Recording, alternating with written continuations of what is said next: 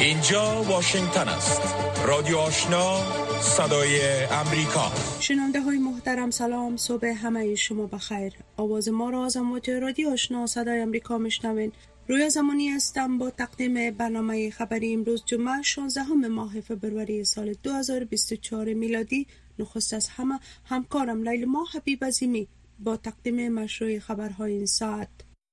سلام و وقت بخیر. مشروع خبرها. در چهارمین سالگرد توافقنامه دوها کانگرس امریکا در یک نشست این سند را بررسی می کند در آستانه چهارمین سالگرد امضای توافقنامه دوها میان ایالات متحده امریکا و طالبان کمیته روابط خارجی مجلس نمایندگان کانگرس امریکا نشست را برای بررسی عدم اجرای این توافقنامه توسط اداره رئیس جمهور جو بایدن برگزار کرد. این کمیته ناوقت روز چهارشنبه اعلام کرده است که زلمه خلیلزاد نماینده ویژه سابق امریکا در امور صلح افغانستان در این نشست استعمایی که دیروز پنجشنبه برگزار شد و پرسش های نمایندگان در مورد اجرا نشدن توافقنامه پاسخ گفته است. بر اساس معلومات این کمیته زلمه خلیلزاد نماینده پیشین ایالات متحده امریکا در امور افغانستان در این جلسه به حیث شاهد حضور یافته است. این جلسه تحت نام پشت پرده چگونه دولت بایدن نتوانست توافق دوحه را اجرا کند در آستانه برگزاری دومین نشست ملل متحد در دوحه درباره افغانستان برگزار می شود.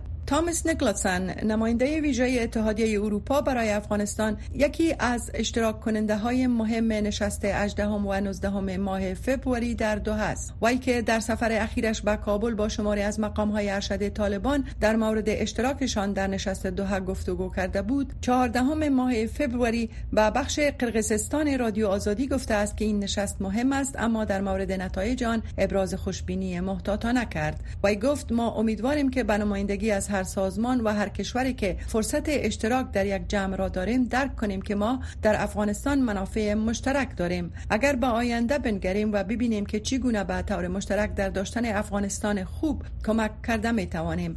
البته خود افغان ها می توانند برای داشتن افغانستان خوب به حق همه احترام کنند و از صلح و ثبات منطقه و جهان بهره شوند. او علاوه کرد که این کار را می توانیم و باید برای آن کمک کنیم. نه اینکه بحث ما در این مورد باشد که در گذشته چی شد و کی مسئول بود. نماینده های چندین کشور و سازمان زنان فعال و طالبان به نشست دوحه دعوت شدهاند. دفتر هماهنگی امور کمک های بشری سازمان ملل متحد در افغانستان اوچا از ثبت 137 مورد مداخله در روند امدادرسانی در نقاط مختلف افغانستان خبر داده گفته است. چون این روی کرده برنامه کمک رسانی را به نیازمندان متاثر کرده است. اوچا دیروز پنجشنبه 15 ماه فبروری با نشر گزارش گفته است که بیشتر مداخلات در اجرای فعالیت های بشردوستانه محیط فیزیکی و محدودیت با ممانعت از دسترسی مردم متاثر از درگیری به خدمات و کمک ها بوده است. گزارش با اشاره به این که مداخلات در امور امدادرسانی نسبت به ماه دسامبر سال گذشته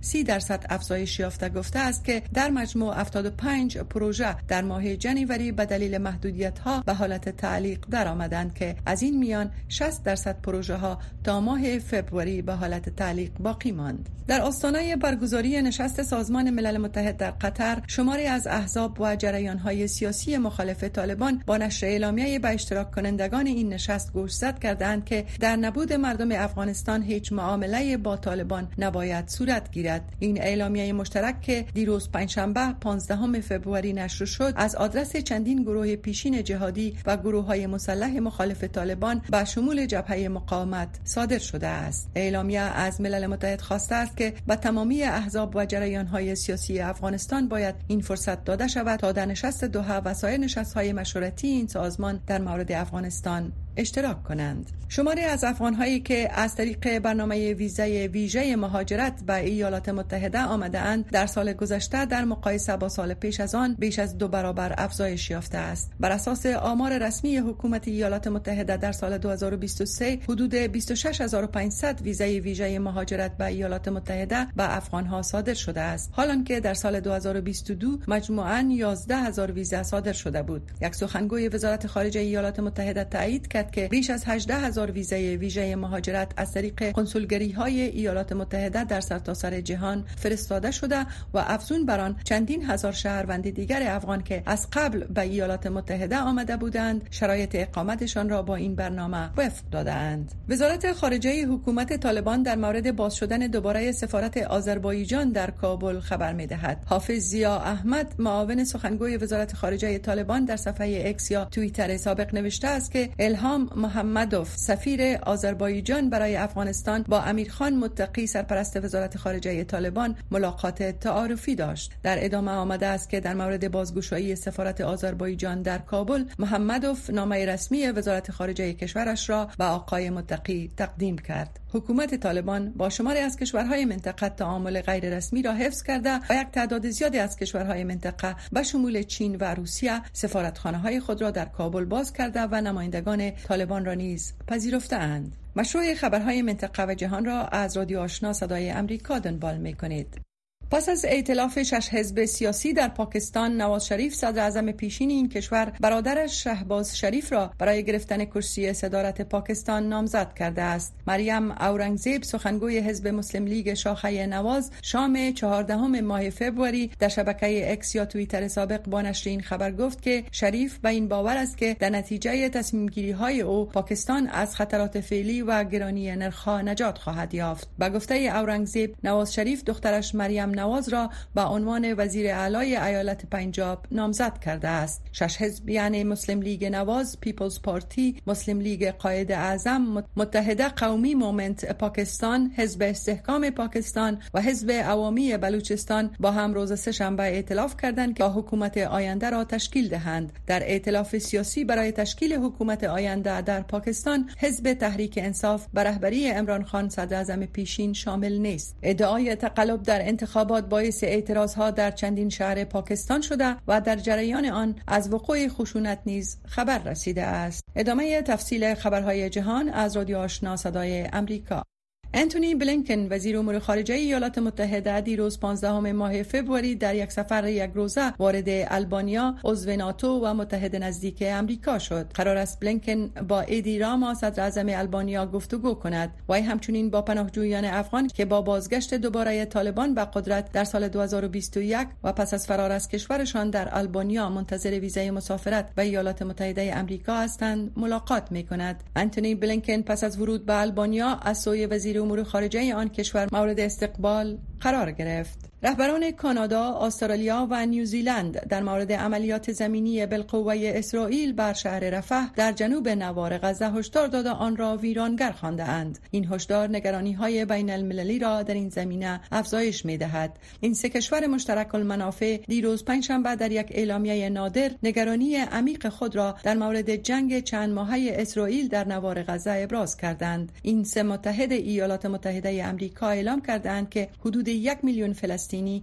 به شمول شهروندان و خانواده ها به این منطقه از نوار غزه پناه برده اند.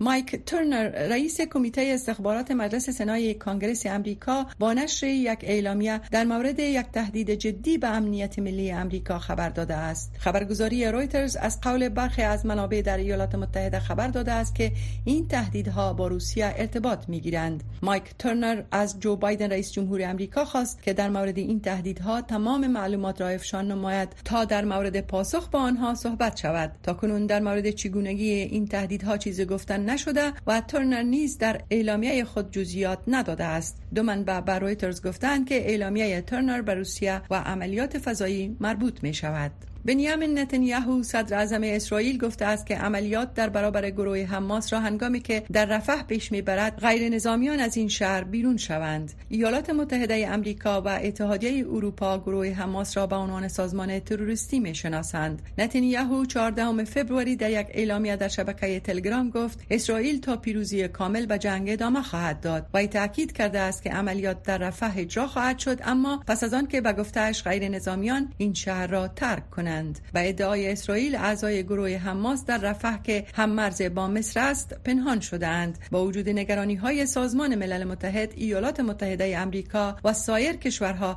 اسرائیل گفته است که از عملیات نظامی در رفح عقب نخواهد رفت.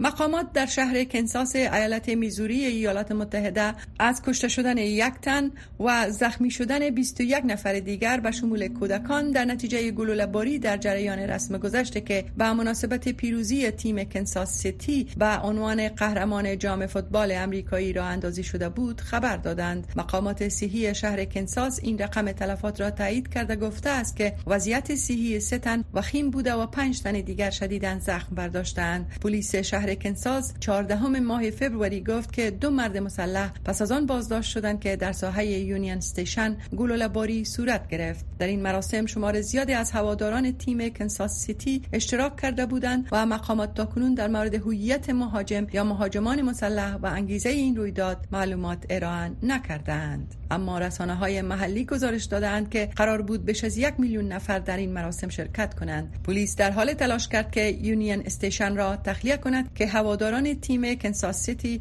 در پی گلوله‌باری سراسیمه شده و در حال فرار از این محل بودند. یونین استیشن شهر تکساس جاذبه سیاحتی تاریخی بوده و میزبان رستوران ها و فروشگاه ها و سینما هاست. پایان مشروع خبرهای افغانستان و جهان تا این ساعت از رادیو آشنا صدای امریکا. شنونده های محترم شما مشروع خبرها را شنیدید و حالا می پردازیم به گزارش های این بخش برنامه. نیروهای امنیتی ترکیه پس از حمله اخیر گروه دولت اسلامی یا داعش بر یک کلیسا در استانبول صدها نفر را بازداشت کردند. مقامات از احتمال حملات بیشتر علیه یهودی ها و عیسوی ها هشدار دادند. شرح بیشتر گزارش صدای امریکا را در این مورد از نوری مشنوید پلیس مسلح از کلیساها در سراسر استانبول به طور شبانه روزی محافظت می کنند. این اقدام پس از حمله اخیر ماه گذشته توسط دو مرد مسلح بر یک کلیسا در شهر استانبول صورت گرفته است. گروه داعش در اعلامیه مسئولیت آن حمله را به دوش گرفت و هشدار داده است که یهودی ها و عیسوی ها را هدف قرار می دهد. جامعه کوچک عیسوی های استانبول در سایه خوشنه زندگی می کنند اما با بی‌اعتنایی. الهان گوزیلس که عضو کلیسای محلی است می‌گوید اعضای کلیسا از این حمله نترسیدند. این چیزی است که هر کس باید از آن بترسد. ما ترسیده بودیم.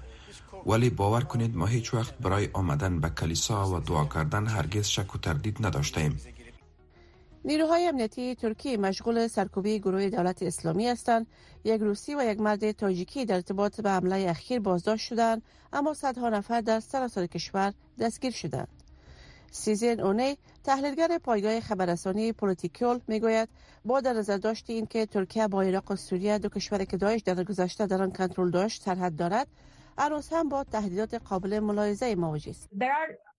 گروه های مسلح در ترکیه هستند. ما هنوز بقایای این گروه های مسلح حتی بقایای داعش از زمان جنگ سوریه را در داخل ترکیه داریم. مراد اصلا عضو نهاد دقیق اجتماعی اقتصادی و سیاسی در انقره است. این یک رقابت دو جانبه بین نیروهای امنیتی و سلول های دهشت افغانی است. هر دو طرف تلاش دارند تا همدیگر را شناسایی یا اخفال کنند. در این قضیه به عقیده من دهشت افغانان داعش ماهر بودند و تا حدی قیودات امنیتی را شکستند. وقتی آنها سلول های پنهانی برای خود داشته باشند و سادگی می توانند جای را هدف قرار دهند. در حالی که فصل گردشگری پربار ترکیه تا چند ماه دیگر فرا می رسد و اهداف احتمالی برای گروه داعش را بیشتر می سازد تلاش های امنیتی برای سرکوبی این گروه و مراقبت از کلیساها شدت بیشتر کسب خواهد کرد. الهان گوزیلیس از محافظت پلیس استقبال می کند اما می گوید که جای تاسف است که به آن نیاز است. پس از چنین یک رویداد خوب است که برای محافظت ما می آیند حتی اگر به شکل تنها حضور هم باشد. ما از آنها سپاسگزار هستیم. کاش همچه حالت نمی بود. و همه مانند برادر و خواهر در کنار هم زندگی می کردیم.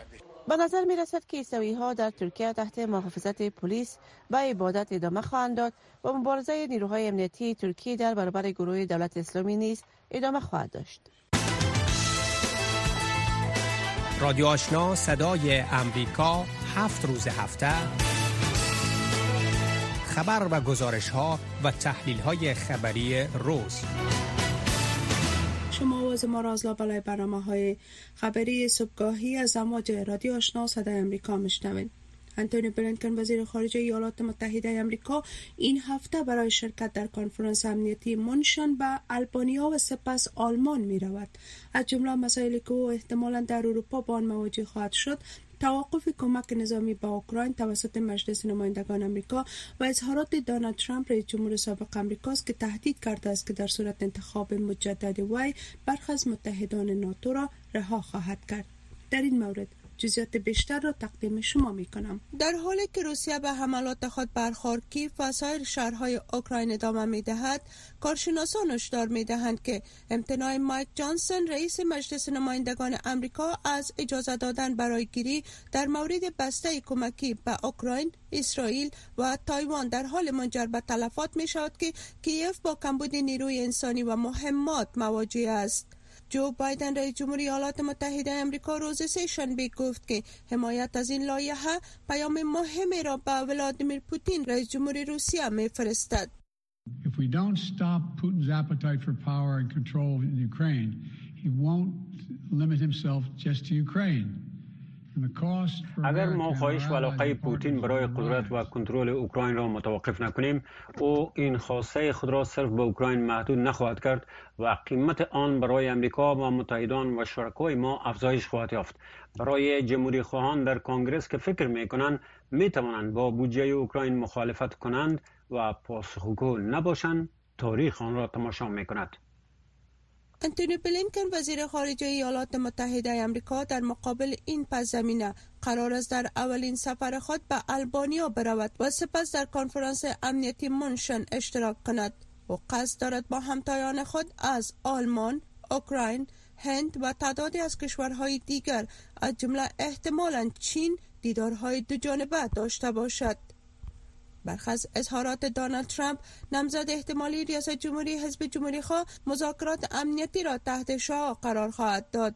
ترامپ هفته گذشته گفت که یک بار به یک از اعضای ناتو گفته است که از برخی متحدان خود در برابر روسیه محافظت نخواهد کرد. و افزود که به طور مداوم اعضای جمهوری خواه کانگرس را تحت فشار قرار داده است تا کمک به اوکراین را تایید نکنند. متیو ملر سخنگوی وزارت خارجه امریکا در پاسخ به صدای امریکا در مورد اینکه آیا سیاست داخلی امریکا بلنکن را در موقعیت دشوار در منشن قرار خواهد داد یا خیر چنین گفت And certainly, I'm sure that when we are in Munich, we will hear directly from foreign leaders that they are watching very much what. واقعا من مطمئن هستم که در منشن ما مستقیما از رهبران خارجی خواهیم شنید که آنها بسیار مراقب آنچه کنگرس انجام می‌دهد می‌باشند ما می‌دانیم که مردم اوکراین تماشا می‌کنند و همانطور که رئیس جمهور گفت تاریخ نیز نظارت می‌کند قانونگذاران جمهوری خواه پیرامون ادامه کمک و حمایت مالی امریکا برای اوکراین اختلاف نظر دارند. پیت سشنز نماینده جمهوری خواه به صدای امریکا گفت که ایالات متحده وعده حمایت از اوکراین را داده است. The Democrats in the Senate have passed what I consider to be a good funding bill to supply Ukraine with its needs. The bottom line really is for Ukraine. دموکرات ها در سنا لاهیه های را تصویب کردند که من آن را یک لاهیه مالی خوب برای تأمین نیازهای اوکراین می دانم. به هر حال اینکه اوکراین نیاز به کمک های توپانه و تسلیحات دارد که ایالات متحده آن را دارد. در حال است که مجلس سنا به رهبری دموکرات ها با حمایت دو حزب روز سه شنبه لایحه کمک خارجی 95 میلیارد دلاری را تصویب کرد که شامل 60 میلیارد دلار برای اوکراین بود. سشنز گفت که او معتقد است که کنگرس لایحه کمک را به هر حال تصویب خواهد کرد. هفت روز هفته با رادیو آشنا صدای امریکا. ماروین وینبام پژوهشگر مسائل افغانستان و پاکستان در انستیتوت شرق میانه می‌گوید که روابط واشنگتن با حکومت جدید پاکستان بر روال فعلی خواهد بود. به استثنای اینکه ایالات متحده انتظار کمتری بر مشارکت مبتنی بر علایق استراتژیک خواهد داشت. و همچنان گفت که عناصر اردوی پاکستان بر حکومت ملکی نفوذ نیرومند خواهد داشت و نظامیان آن کشور سیاست های استراتژیک و خارجی را در کنترل خواهند داشت. توجه کنید به مصاحبه محمد احمدی با آقای واین بام حزب مسلم لیگ نواز در کمپین انتخاباتی خود تاکید بر بهبود تجارت و اقتصاد در این کشور داشت با نفوذی که نظامیان این کشور در پاکستان داره فکر می‌کنین که حکومت ملکی آینده چطور می‌تونه مستقلانه عمل بکنه؟ ببینید در نهایت امر عناصر حکومت ملکی و نظامی باید یک راه را برای کار با همدیگر پیدا کنند. به نظر من محبوبیت اردو با نتایج این انتخابات آسیب دیده است. اما اردوی پاکستان نهاد نیرومند است که در برابر هر گونه مسایی به کاهش دادن نفوذ آن مقاومت خواهد کرد. به ویژه در زمینه های امنیت و پلیسی خارجی. و اردو ممکن در این زمینه های ملکی نیز نفوذ خود را پیش ببرد. یعنی در عرصه های اقتصادی نیز دخالت کند. امری که در گذشته چنین نبوده است. فکر می کنم اردو حالا برای این کار با هر کسی که رئیس حکومت باشد که به احتمال زیاد حکومت ائتلافی باشد مشکلات زیادتری خواهد داشت و با واکنش حکومت ملکی مواجه خواهد شد زیرا نظامیان پاکستان در این انتخابات محبوبیتشان را از دست دادند. این وضعیت در سطح سیاست داخلی خواهد بود اما در بخش هایی که به طور انعنوی اردو قدرت عمل را دارد تغییر غیر محتمل است. امران خان در اتهاماتی که علیه ایالات متحده در زمان کمپاینش وارد کرده بود گفته بود که ظاهرا ایالات متحده در برکناریش نقش داشته. فکر می‌کنین که حالا که حکومت ائتلافی تشکیل شده است متشکل از جناهای مخالف حزب امران خان فکر می‌کنین که روابط ایالات متحده امریکا با این حکومت جدید چگونه خواهد بود؟ در چه سطحی خواهد بود؟ ایالات متحده اگر با حکومت برهبری امران خان در پاکستان مواجه نشود با حکومت ائتلافی برهبری حزب مسلم لیگ یعنی همان نوع حکومتی که ایالات متحده در گذشته با آن کار کرده مواجه خواهد بود. در کل پاکستان ایالات متحده را به حیث یک شریک اقتصادی مهم خواهد دید اما نه یک شریک استراتژیکی که در گذشته بوده است. این یک واقعیت است. اما اگر امران خان صدر حکومت باشد این سطح روابط متفاوت خواهد بود. این نه به خاطر است که امران خان به مسکو رفت بلکه طی کمپاین انتخاباتیش او ایالات متحده را متهم کرد که مسئول برکناری او از سمت صدارت عظما بوده و علی او در انتخابات دسیسه کرده است. این اتهامات بسیار جدی است و به طور واضح منجر به روابط بسیار دشواری خواهد شد اما ایالات متحده با آن روبرو نخواهد شد. و می خواهم این را بگویم که ایالات متحده تا حد توان مراقب بوده تا از سیاست انتخاباتی پاکستان کنار باشد. به طور کلی مردم در پاکستان به ایالات متحده بسیار بدگمانند. ایالات متحده اگر کمک نتواند کاری نخواهد کرد که روابط آن بهتر شود. روابط پاکستان و ایالات متحده به همان منوال خواهد بود که است. به استثنای اینکه ایالات متحده انتظار کمتری به شراکت مبتنی بر علایق استراتژیک خواهد داشت. این روابط از سوی پاکستان مبتنی بر علایق اقتصادی خواهد بود. رادیو آشنا صدای امریکا. پنج تا هفت صبح و هفت شام تا ده شب. تازه ترین خبرها و گزارش ها شما آواز ما را از برنامه های خبری رادیو آشنا میشنوین شنونده های محترم شما می‌تونید که برنامه های ما را از فیسبوک و همچنان وبسایت صدای امریکا دنبال کنید. دفتر همانگی کمک های بشری سازمان ملل متحد یا اوچو گزارش داده است که و هفت مورد از مداخلات در پروسه ارسال کمک های بشری به نیازمندان در افغانستان به ثبت رسانده است. این سازمان گفته است که مداخلات روی ارسال کمک های بشری به افغانستان تاثیر گذاشته است. اما مسئول این مداخلات و نظمی ها کیست و یا آیا راه حل برای رفع این مشکل وجود دارد یا خیر؟ صلاح الدین زیدی تحلیلگر سیاسی افغانستان و منطقه در مصاحبه با فاز احسان نظراتش را در این مورد چنین ابراز کرده است. نشست ها و کنفرانس های بین المللی دید و بازدیدها به خاطر تعامل نه به خاطر رسمیت شناسی باید این مسئله را از قبل قیچی کنه. و کسای ایره قیچی بکنه کسای ایره نهایی بسازد طرق کار و قاعده کار که در محل به امور وارد باشن نه از پشت میز. و زمانی که این قاعده و اصول کار معلوم شد و به جهان گفته شد که طالبان مانع رساندن کمک ها نیستن در او صورت اگر مانع میشن و اینها مداخله می‌کنن و با افراد خود دادن می‌خواین.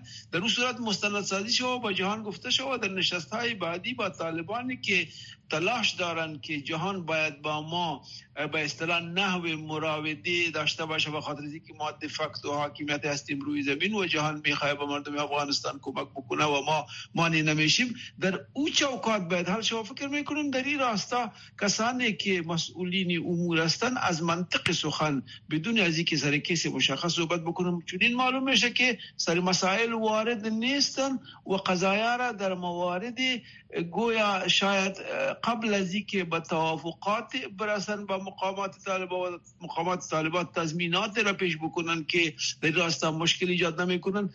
متاسفانه ما فکر می‌کنم که در این راستا نارسایی های هست. آیا فکر می‌کنین طالبان مداخله نمی‌کنه در کمک ها طالبان یک سال قبل در صحبت افراد دست اول طالب گفتن که کمک که به افغانستان میشه ما باید در جریان باشیم. این به ذات خود به شکل دیپلماتیک معنای مداخله را داره. در حالی که به طالبا باید گفته شود سازمان ملل متحد من حیث کسانی که کمک میرسانند به طالبا گفته شود که شما مشکل سیاسی تان با جهان حل کنین. شما مشکل به رسمیت شناسی تان در خط علیده حل کنین. اما ما کمک رسان ها با کسای این مسائل در جریان قرار میتیم که او یک حاکمیت رسمی باشه. و شما تابال به رسمیت شناخته نشدین ما بر شما چطور گزارش بدیم ما میایم کمک می‌کنیم آیا شما مانع میشین و یا نمیشین؟ امنیت ما را نگاه می‌کنین یا نمی‌کنین؟ اگر اونا گفتن که نه ما مانع میشیم با این مفهومی که برای ما گزارش بدین و یا امنیت تا نمی‌گیریم مسئله کمک ختم میشه. اما اگر اونا ادعا دارن و مدعی هستند که ما با مردم افغانستان کمک رساندن هم پشتیبانی می‌کنیم ما با سازمان ملل متحد موانع ایجاد نمی‌کنیم. در او صورت باید مسئله سر میز گذاشته شود و امو قسمی که نماینده ملل متحد گفته که مستند سازی کرده مستند سازی بکنن و بگوین که بابا این ده اینجا این رقم خطا کردی ده اینجا اینجا مداخله کردی ده اینجا. به این خاطر ما مطمئن هستم که طالبان مداخله می‌کنن و این به صورت رسمی هم گفتن که باید برای ما گزارش داده شود شما البته گفتین که این مسئله باید مستند سازی شود. حالا اوچا گفته 137 موضوع را اینا ثبت کردن. یعنی به این معناست که مستند سازی کردن. شما فکر می‌کنین این یک رای حل است یا رای حل دیگه به نظر شما چی است؟ مطمئنا راه حل دیگری هم وجود خواهد داشت. اما او طالبای به اصطلاح مسئولین دست اول طالب که خودم معتمد میشمارن و می‌گویند که با جهان همکاری می‌کنه اگر جهان به ایشان همکاری بکنه در مجامع بین المللی پیش رادیو پیش تلویزیون پیش از ذهان عامه جهان پیش منه که طرفدار طالب هستم گذاشته شو که بابا این موانع این مشکل این تخطی این تخلف تا سیاه و سفید روشن شود آنهایی که متخلف هستند حد اقل در جهان کوبیده شود در افغان کوبیده شود و در کسانی که دلیل راستا با مردم افغانستان در کمک رساندن مساعدت می‌کنن مانع ایجاد نمی‌کنن و مسئله سیاسی و مسئله کمک های اولیه اقتصادی مانع به اصطلاح مغالطه و خلط نمی‌کنن. تفکیک شود و جهان بدانه و افغان ها بدانن که مشکل در کجاست. رادیو آشنا صدای امریکا. پنج تا هفت صبح و هفت شام تا ده شب. تازه ترین خبرها و گزارش ها در آخرین گزارش این بخش برنامه. بحران پس انتخابات در پاکستان همچنان ادامه دارد و احزاب بزرگ سیاسی این کشور تا کنون نتوانستند روی تشکیل حکومت جدید به توافق برسند. جزئیات بیشتر را در این مورد مسکو صافی خبرنگار صدای آمریکا شهر پشاور میشنوید. تاکنون هم هیچ یک از اعضاب بزرگ سیاسی پاکستان نتوانسته به توافق نهایی برسد. تازه تازه ترین انکشاف هم تحریک انصاف پاکستان امروز اعلام کرده و گفته که رهبر زندانی یا هم عمران خان که صدر پیشین پاکستان می باشد عمر ایوب خان که یکی از اعضای برجسته حزب می باشد را به حیث نامزد تحریک انصاف پاکستان برای کرسی صدر برگزیده. اعضای تحریک انصاف پاکستان در انتخابات هفته گذشته به حیث کاندید آزاد یا هم مستقل توانسته که از جمله 264 کرسی مجلس ملی 92 کرسی را از آن خود کند و از همه پیشتاز باقی ببرد در اینجا می‌خوایم یادآور شام که عمر ایوب خان نواسه ایوب خان نخستین دیکتاتور نظامی پاکستان می باشد و در حال حاضر به دلیل تعقیب عدلی و به دلیل دست داشتن در اختشاشات پس از بازداشت عمران خان مخفی بوده و بنابراین که مخفی هم بوده در مبارزات انتخابات توانسته برنده کرسی انتخابات یا کرسی پارلمان از حوزه انتخاباتی شود. در آخر می‌خوایم بگم سرجان که قرار است شب یک هیئت تحریک انصاف پاکستان با مولانا فضل الرحمن که رهبر جمعیت علمای اسلام پاکستان می باشد یک ملاقات